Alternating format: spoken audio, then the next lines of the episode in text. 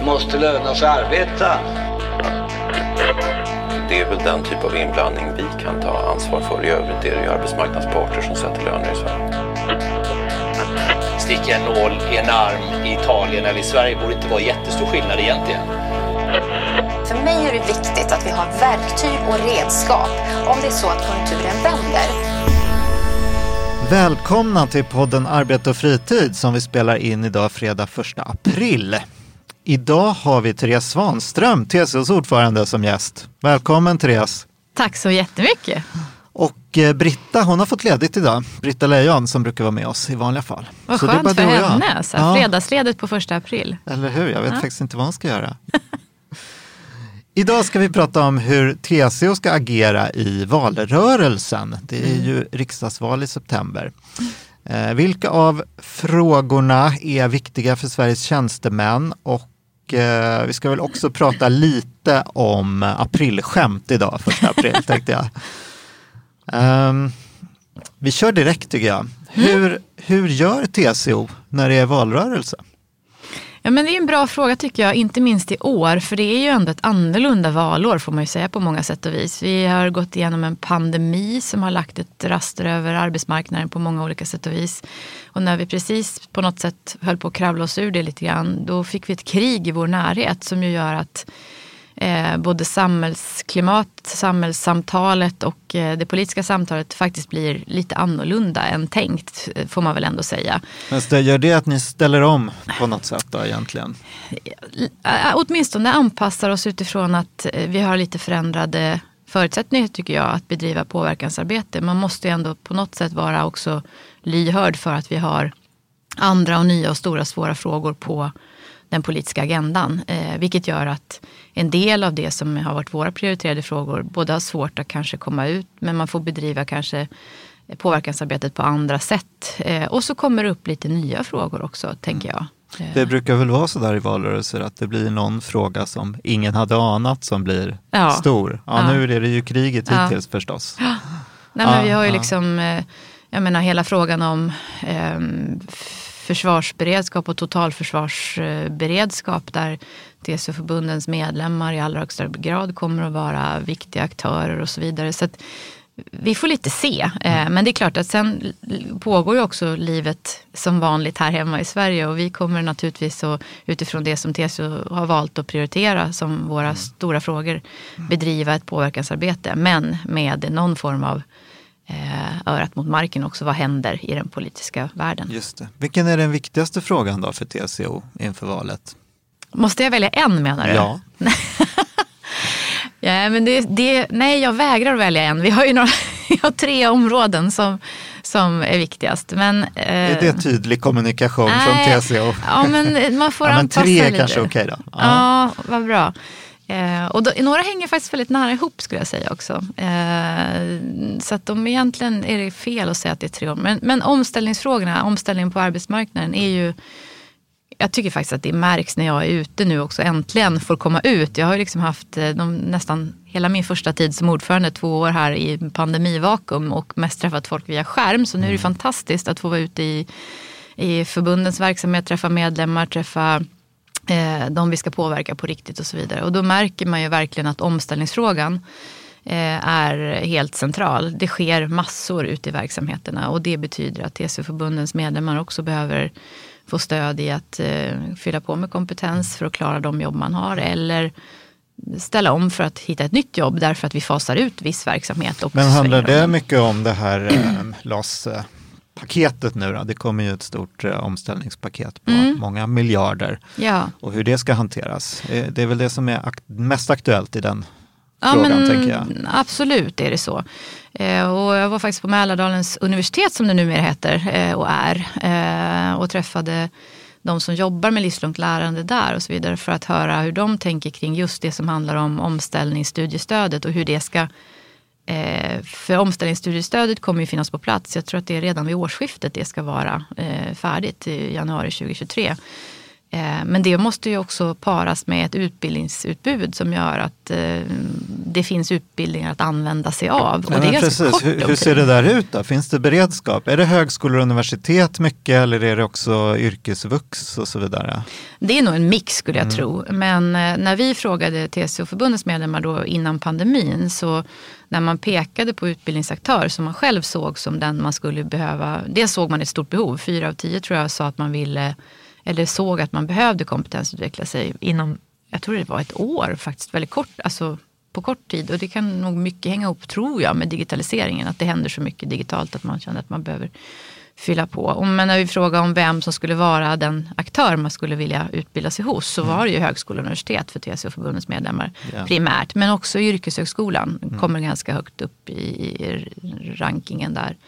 Så att, eh, och beredskapen är nog inte jag tror inte att den är helt god faktiskt. Eh, att ta emot de här nya grupperna på högskola och universitet. De är, har långa planeringshorisonter, mycket fokuserade på det som mm, har varit ett eh, utbildningsväsende som har inneburit att man i unga år går in, läser en utbildning, går ut och sen börjar man jobba och sen, sen är det klart. Liksom. Eh, nu ska det komma in andra och nya grupper och med andra behov av kortare, flexiblare distansutbildningar och så vidare.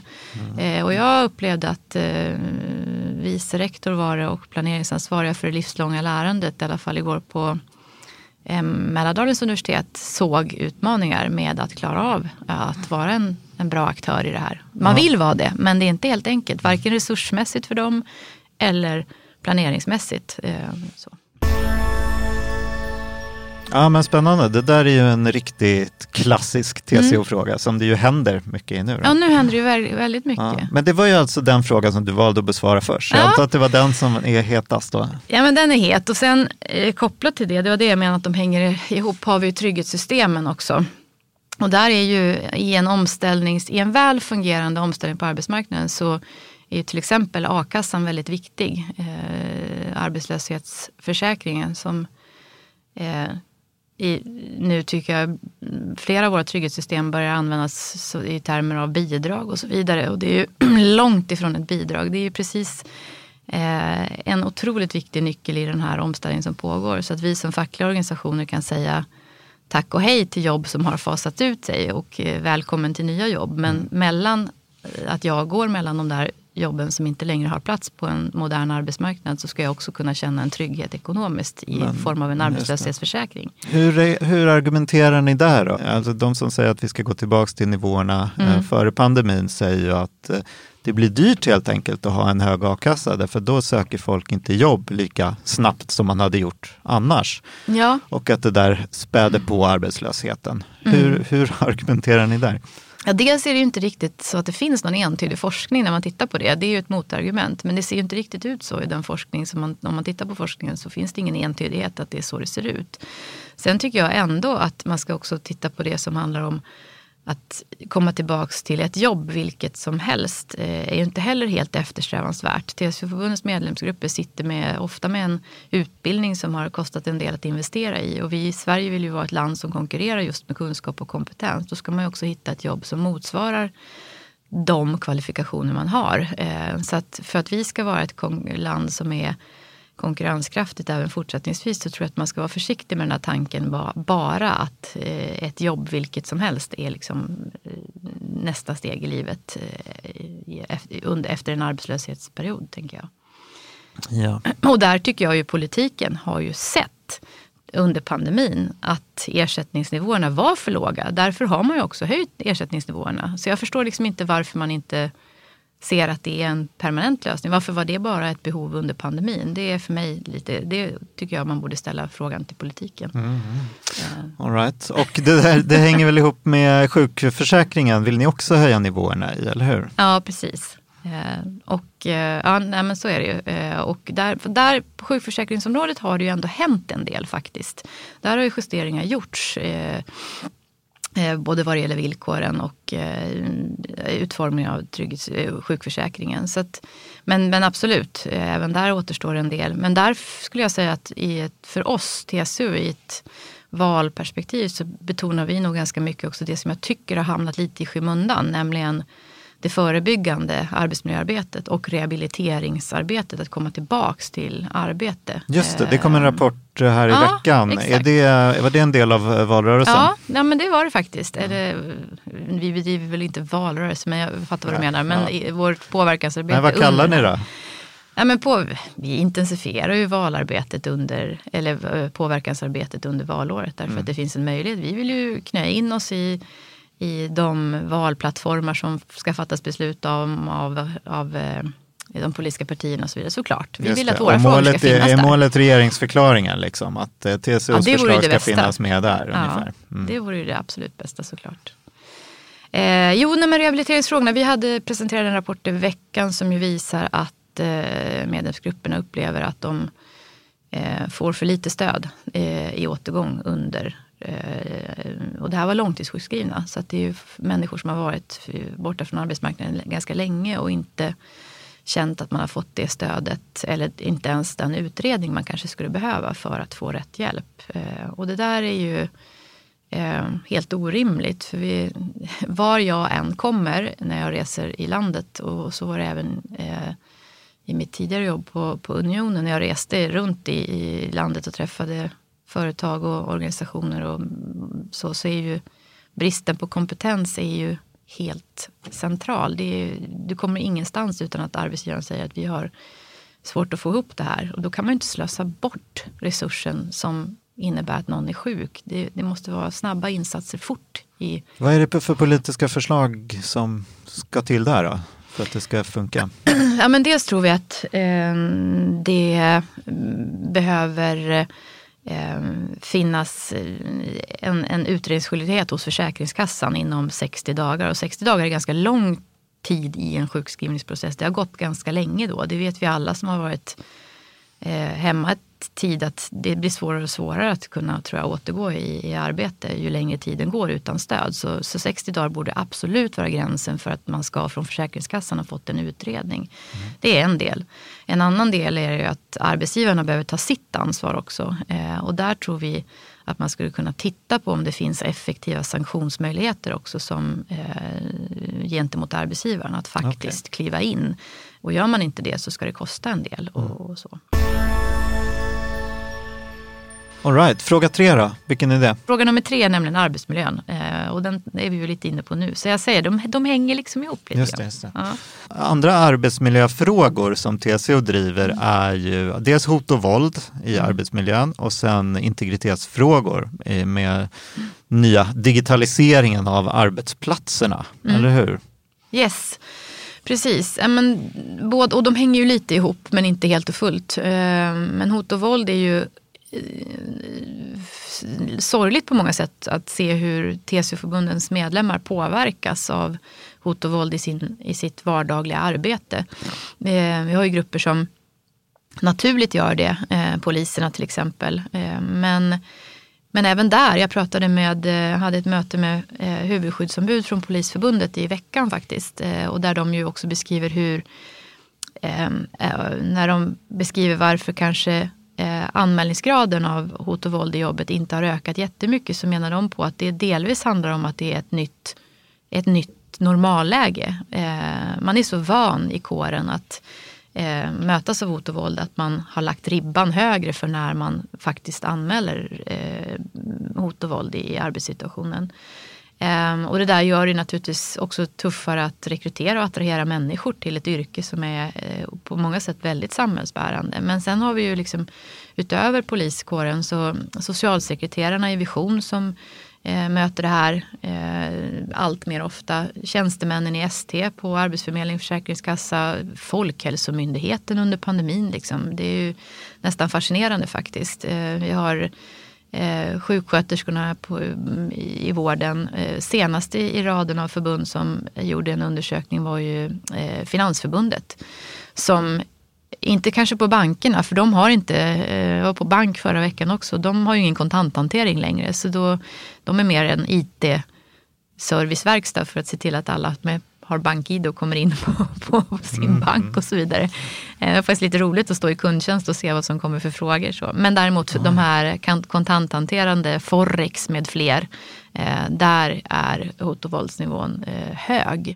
Där har ju förbunden driver ju det där Eh, i sin vardag också. Men det är klart att vi försöker också lyfta frågan att eh, eftersom just TCO-förbundets medlemmar på så många sätt uppebär också samhällsviktiga institutionsjobb så, så finns det ju en risk i att vi urholkar den, eh, starka, eh, det starka samhället i den delen eh, när man eh, blir utsatt för påtryckningar och hot och våld. Eh, men kopplat till det, du nämnde också integritetsfrågorna, så har ju vi jobbat en del med det och det handlar också om det beroendeförhållande som ändå finns mellan arbetsgivare och arbetstagare i ett arbetsliv och där vi lämnar väldigt mycket mer digitala spår numera som kan eh, vilja användas av en arbetsgivare i eh, olika syften. Både via datorer och telefoner. Man kan söka var du är någonstans när du har din mobiltelefon uppkopplad och så vidare. Eh, men också vad får en arbetsgivare kräva i en anställningssituation? Ska man få kräva ditt eh, utdrag från Försäkringskassan? Hur mycket har du varit hemma med barn? Sjuk, eh, Försäkringskassan, hur sjuk har du varit? Och så vidare. Och så vidare.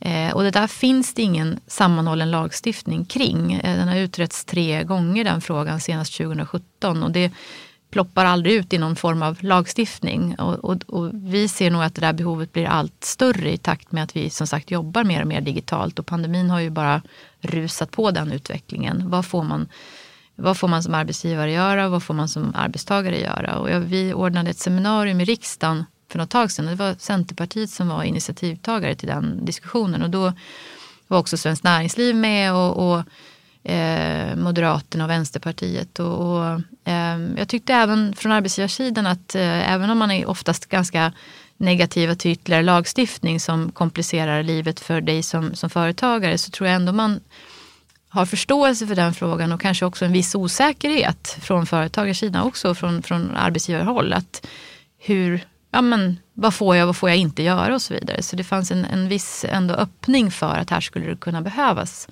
en lagstiftning okay, på det här Så det där ska ni ha in i regeringsförklaringen också? Alltså. Det vore väldigt bra. Mm. det vore väldigt bra. Mm. Du, har du någon personlig fråga som du brinner för sådär i ja, antingen nu i valarbetet eller, eh, eller generellt? Vad är din, vad är din fråga liksom? Ja, um jag brinner för alla de här såklart, men jämställdhet är ju en fråga jag brinner ganska mycket för. Eh, jag har ju jobbat med eh, jämställdhetsfrågor under hela mitt yrkesliv på olika sätt och vis och de kommer ju in i alla de här frågorna. Jag läste en gång i tiden i Örebro, eh, då hette det kvinnovetenskap, bara det. Numera heter det genusvetenskap. Men så vi har ändå tagit oss en liten bit tror jag på vägen. Så jämställdhet. Sen tycker jag i spåren av också det som har hänt i omvärld och, och så, så tror jag att demokratifrågorna eh, är ju just nu väldigt centrala eh, mm. på många olika sätt och vis. Så att vi har ett samhälle som också är jag kan bli väldigt frustrerad över det politiska debattklimat som råder just nu. Som, som blir väldigt polariserat, som blir väldigt mycket, eh, mycket mindre av ett intellektuellt samtal och en, en, en ett politiskt eh, färdriktningspekande i form av att ha visioner eh, om politiken och vilket samhälle vi ska ha. Det... Vad är de stora utmaningarna mot demokratin nu då, som du ser? Ja, men jag tror bland annat eh, det, eh, det demokratiska samtalet och eh, där spelar ju till exempel medias roll en väldigt viktig. Eh, vi hade ju TCO-styrelsen Eh, det var faktiskt Ulrika Hyllert, eh, Journalistförbundets ordförande, som på TCO-styrelsen för något år sedan här ställde frågan vad, vad hade vi velat göra? Eh, vilka beslut skulle ha fattats av oss om den dagen en eventuell auktoritär regering skulle kliva in i vårt land? Vad hade vi velat säkra upp för att inte hamna i, i liksom Eh, Eh, ett demokratiskt kaos. Eh. Vilket det gjorde, den, den frågan tycker jag är väldigt spetsig och väldigt bra. Eh, och det föranledde oss att göra, TCO att göra ett jobb med jag tror att det är fem olika arbetsgrupper med förbunden gemensamt som skannade liksom om våra, våra områden på utmaningar och eh, förslag. Eh, där vi också landade ner i ett antal förslag. Bland annat till exempel grundlagsskyddet för public service eh, och den typen av eh, insatser och förslag. som... Är det någonting ni har varit ute i nu och eh, drivit. Jag tänkte, eh, till exempel Ulrika Hyllert har ju snackat i Arbetsvärlden om, hon har kritiserat till exempel Moderaternas public service eh, förslag och sagt att det kan öka den liksom, politiska inblandningen. Mm. Är det där de konkreta eh, programmen som står på agendan, är det något som TCO liksom driver nu? Vi har inte varit väldigt ute och drivande i dem, men, men vi har ju den plattformen och TCO-styrelsen har, har ställt sig bakom exempelvis ett grundlagsskydd för public service med fler eh, insatser och åtgärder. Så vi har i valarbetet sagt att det där är Eh, det och partsmodellen, värnet av partsmodellen är det vi har kallat för röda linjer. Det vill säga vi kommer alltid att kliva in om det behövs i den debatten. Men vi har ju också känt, tror jag, att det kan finnas skäl för oss att bli mer aktiv i de här frågorna utifrån att vi har en verklighet som föranleder att demokratifrågorna men ni har liksom inte varit det hittills. När är de där röda linjerna överträdda? Ja, men det kan man fråga sig. Eh, Jag har inget bra svar på den frågan faktiskt. Men det är, jag har pratat om det i många olika sammanhang, men vi har nog inte medialt varit ute på det sättet. Men jag har, jag har pratat om det. Jag pratar om det alla gånger jag träffar politiker själv. Jag träffade i veckan både Annie Lööf och Per Bolund och då nämner jag eh, de här frågorna även för dem och så vidare. Nästa vecka träffar, träffar jag Elisabeth Svantesson till exempel. Och de här frågorna. Så, Kommer, så, ja, kommer ni prata om eh, public service och SVT då? jag nämner alltid de här frågorna som när jag berä- berättar om vår valplattform. eh, Så nämner jag dem. Du, ja, men det för oss ju in på ämnet Sverigedemokraterna, tänker jag. Eh, och eh, TCO har ju sin policy, man tar inga liksom, kontakter direkt med Sverigedemokraterna, utan man bjuder bara in dem och talar med dem tillsammans med, om det gäller alla riksdagspartier. Förra, efter förra valet i eh, regeringsbildningen, där, då var ju TCO ute, ute och sa att vi vill se en regering som inte tar stöd av Sverigedemokraterna. Eh, vilket väckte en del rabalder då. Eh, står det där fast?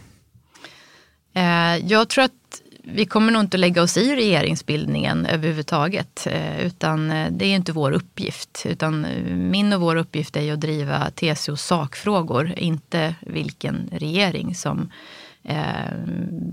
kommer att välja och välja varandra, jag på säga. Eller vilka som väljer varandra i regeringsbildningen. Men däremot så kommer vi som sagt, apropå röda linjer och demokratifrågor, att, att se till att eh, väldigt tydligt markera där vi tycker att gränser är passerade eh, när det gäller eh, värnet av allas lika rättigheter och, och eh, den typen av, av demokratiska utgångspunkter som är vårt DNA i det fackliga arbetet. Så att- Okej, så det där är ju ändå en omsvängning då. Vad har föranlett den? Jag vet inte om det är en omsvängning egentligen. Eh, och jag vet inte hur välgrundad den här eh, tanken om regeringsbildningsfrågan heller tidigare var. Jag var inte med på den tiden. Så att, eh, och jag har nog uppfattat att det är vårt ingångsvärde för tillfället också. Att, från TCO-styrelsen samlat att det är inte vår uppgift att, eh, att tycka till om vilken regering som eh, tillträder i det här landet. skulle jag säga. Utan det är att driva de frågor som är centrala för oss. Kriget i Ukraina påverkar ju också den ekonomiska politiken. Alltså nu så eh, har vi ju sagt att försvaret ska stärkas. Ja. Eh, är det något som TCO har en åsikt om? Inte mer än att det finns väl förståelse för att eh, läget är som det är. Men jag tror att det är viktigt att titta på helhetsbilden. Eh, om försvaret ska stärkas i, i, i sin liksom, försvarsförmåga så tror jag att man, eh, och det görs ju också, men jag, det är viktigt att tänka in helheten så att vi inte ställer olika delar mot varandra utan att eh, totalförsvaret är en central del där ju Eh, TCO-förbundens medlemmar eh, finns eh, på arbetsplatser som kommer att vara i sådana fall högst, och är i allra högsta grad berörda. Och att vi därför inte ställer satsningarna på försvaret mot behovet i välfärden till exempel. Där eh, många, eh, både statligt anställda men också kommuner och regioner har en otroligt eh, viktig del i ett totalförsvarssammanhang. Så att vi, Nej, precis, vem ska betala för det där? Det är ju en intressant fråga. Jag såg, det var väl, Svenskt Näringsliv var väl ute och sagt att, sa att vi får inte höja skatterna nu för att betala för de här försvarssatsningen. Vad är liksom TCOs, har ni engagerat er i den debatten? Ja, men du säger nu att välfärden får inte bli lidande. Var ska pengarna tas någonstans? Nej men där får man väl fundera över också, vi har ju, det visar ju pandemin också, att vi har ju väldigt starka offentliga finanser i det här landet. Eh, och det eh, pågår ju ett arbete nu med att titta också på hur ett finanspolitiskt ramverk ska se ut apropå att vi har haft ett överskottsmål eh, eh, som, som bas för det. Eh, och det pågår ett arbete med att titta på det och det kanske behöver göras snabbare nu, vad vet jag. Eh, och där kan man ju fundera på om det istället finns möjlighet och utrymme att hantera det i form av en mer, ett mer balanstänk i budgethänseende än det som tidigare varit rådande i form av överskottsmålstanken för att hitta eh, utrymme i resurser. Jag tror inte att det vore en farlig väg att vandra faktiskt för att skapa utrymme. Ja, jag tänkte faktiskt snacka lite om det där med överskottsmålet. Det är ju spännande att ni ser kanske då ett balansmål framför er istället. Men det finns ju mycket kritik mot det finanspolitiska ramverket och särskilt överskottsmålet. Att det är liksom det finns ju ett, eh, mm, det här paradigmet anses liksom ha sänkt eh, tillväxten och produktiviteten de senaste 30 åren lett till ett väldigt stort finansiellt sparande hos hushållen och minskad ekonomisk aktivitet.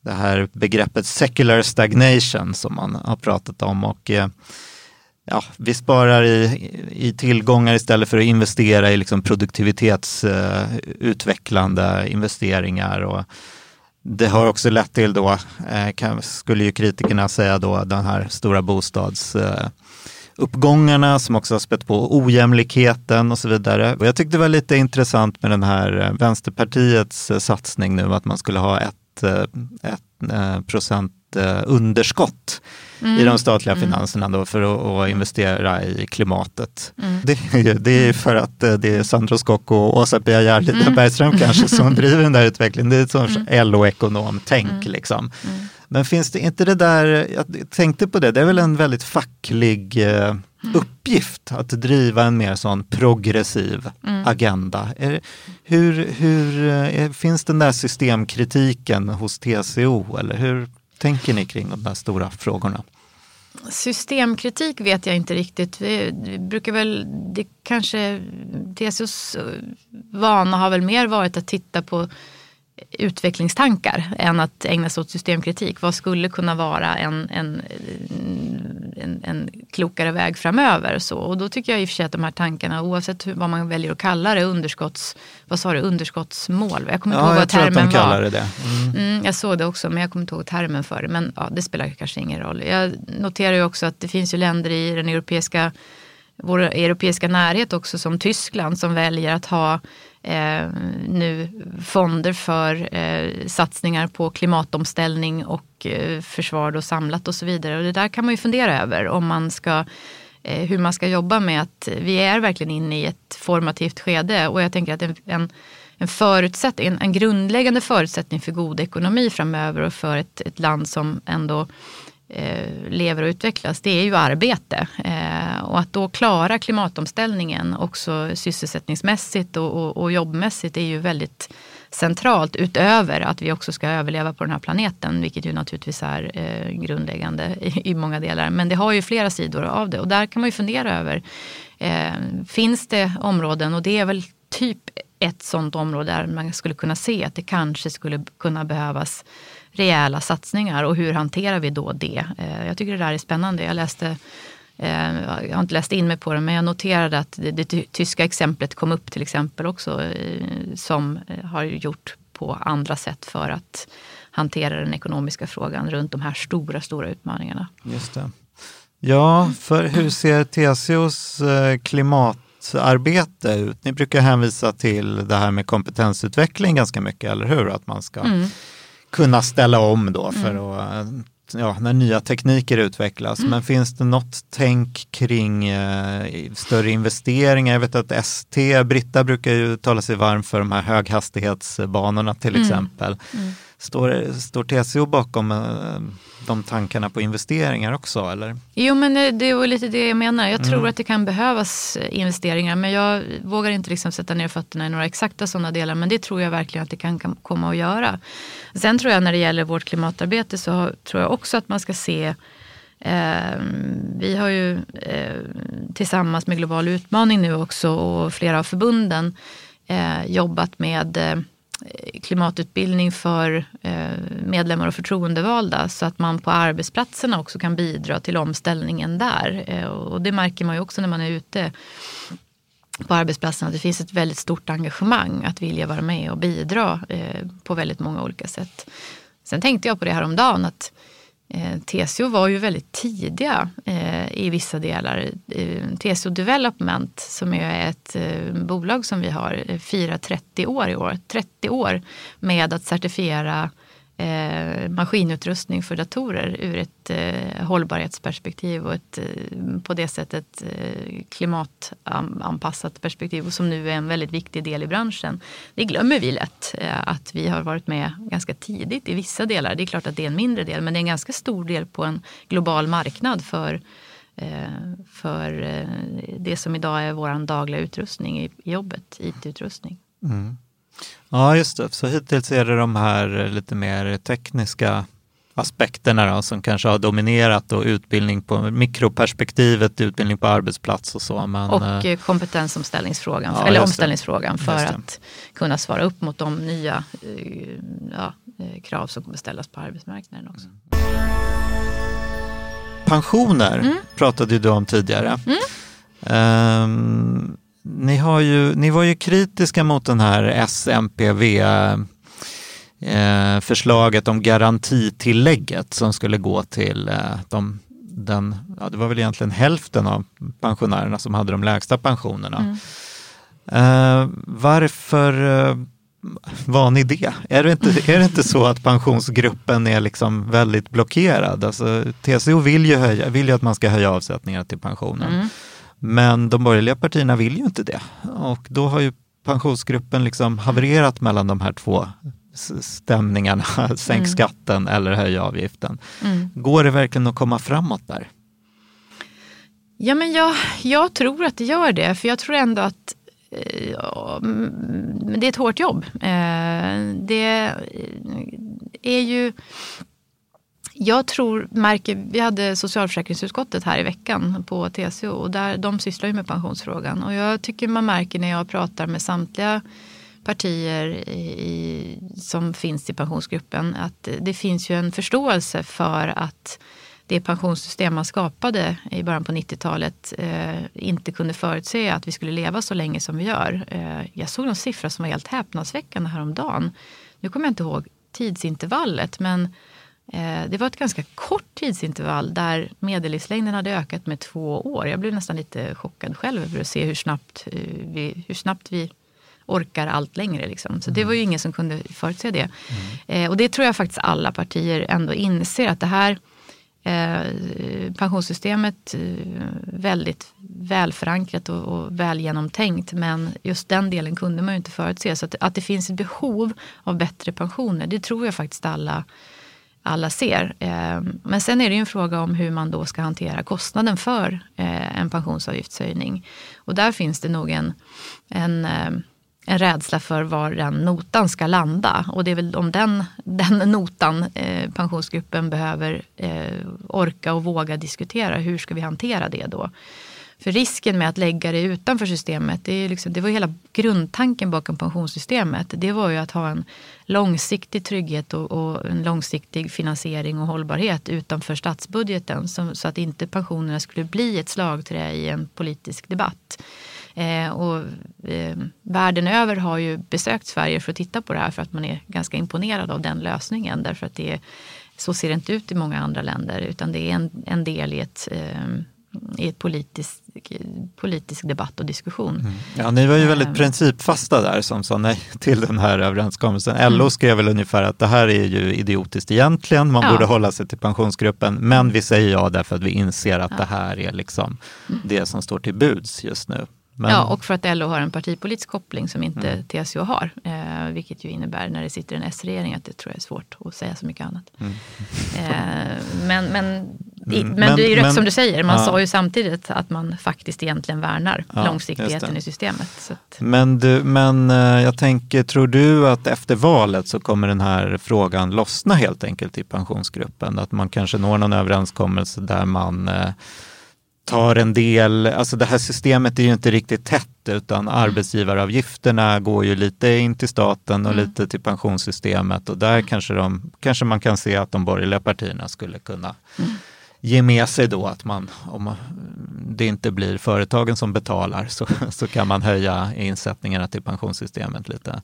Ja, men jag tror att det är där man, jag tror någonstans att det är där man är nu. Att man inser att det finns behov eh, i form av en, en pensionsavgiftshöjning. Eh, men frågan är hur finansieringen ska se ut. Vi har ju pratat om en, en skatteväxling i TCOs pensionspolitiska program. Att se hur man kan hantera den på det sättet. Eh, och där kan man väl också fundera på om vi kan bidra med ytterligare tankar om hur den skulle genomföras. För att eh, jag tror att politiken söker efter hur ser lösningen ut.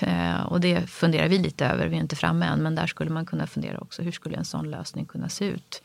Ehm, för jag, ja, min uppfattning är nog ändå att det finns en stor förståelse för att det finns behov. Ehm, och sen finns det ju ett överskott nu också mm, i, i eh, det buffrade eh, pensionskapitalet som skulle gå att använda tycker jag till det som är vi har kallat för gas i systemet. Men det är mest av anledning av att det redan finns en broms och då borde det finnas motsvarande instrument i form av en gas. när- Just det, men det där verkar ju ha blivit succé. Ja, eh, det känns som politiken. alla faktiskt eh, tycker att det är en relevant idé. Eh, Var ni först med den?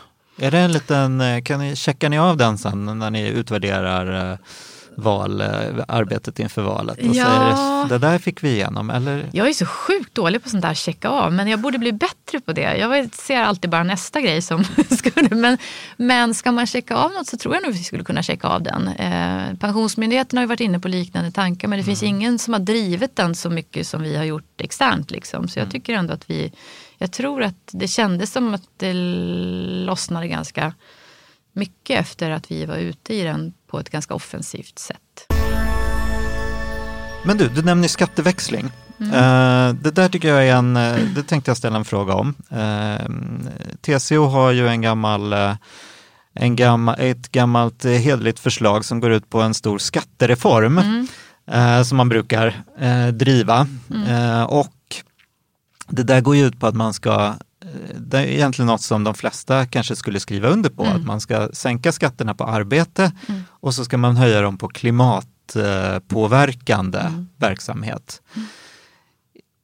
Det, verkligheten har ju liksom inte blivit så Nej. gång på gång, utan liksom, nu har man tagit bort eh, värnskatten som ju skulle vara en del av den här, man, man har sänkt och sänkt skatter, men är det liksom, man undrar ju över realismen i det där förslaget, kan jag göra. Är det, alltså skatterna på arbete, det är ju den absolut övervägande delen av skatterna. Det är ju enorma summor. Liksom. Skatterna på energi och klimatförstörande verksamhet, det är ju nästan ingenting i det stora hela. Nej. Är det realistiskt att man ska flytta över? Är det lösningen? För ni är väl inte inne på att man ska höja kapitalskatter och så vidare? Finns det inte en skevhet i de där planerna? Man skulle behöva göra ett, ett eh, grundläggande utredningsarbete för att titta på förutsättningarna för att det, precis den fråga du ställer tror jag skulle behöva eh, hjälp av duktiga människor som gör ett utredningsarbete innan man landar ner i en eventuell skattereform. Och åtminstone där borde man ju börja. Och januariavtalet gav ju ändå vid handen att, eh, att eh, man tänkte sig göra en sån här, ett sånt här arbete. Men det blev ju ingenting av det. den hamnade väldigt långt ner på to-do-listan kan man säga i politiken. Eh, och den blev inte av överhuvudtaget. Men jag tycker också att man märker i de samtal som, som, som jag har haft med eh, både den nya finansministern Mikael Damberg och, och med eh, statsministern när vi har lyft den här frågan att det finns ett intresse att göra det och att man också ser det här behovet av att kanske skaffa sig en kunskapsbas av eh, duktiga människor som, som gör ett underlagsjobb för att sen kunna ta frågan åtminstone något sådär vidare. Så att, ja, realism eller inte, eh, jag tycker nog att det finns ändå eh,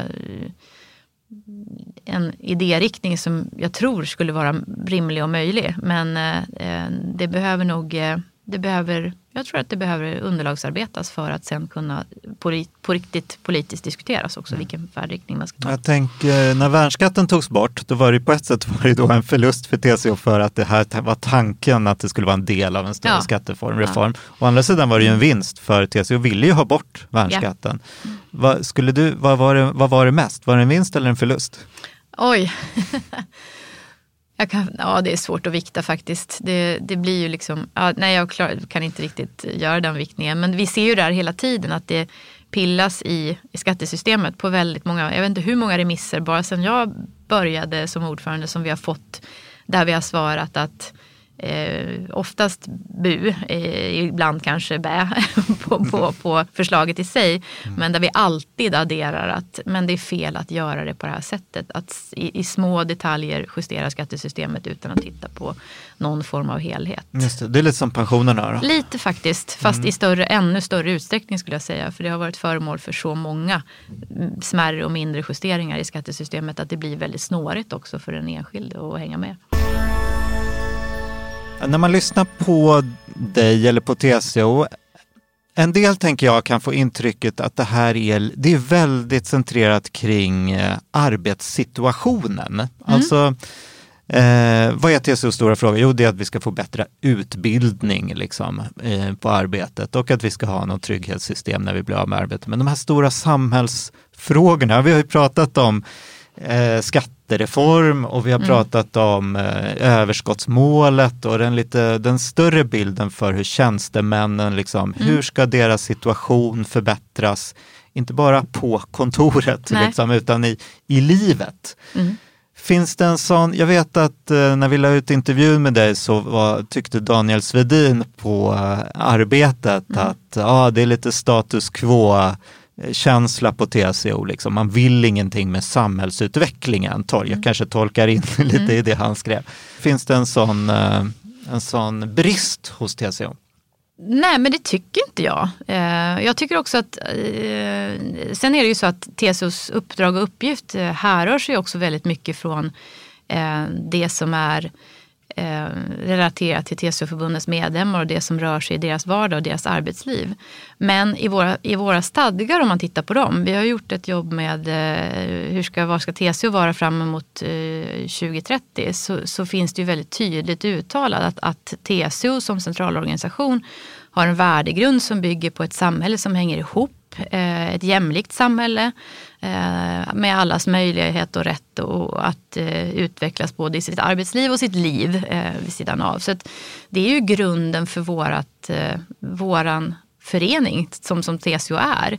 Eh, vilket eh, eh, jag tycker ligger till grund för mycket av de frågor vi jobbar med. Och tittar man också på, vi gör ju egna Novusar inför valet.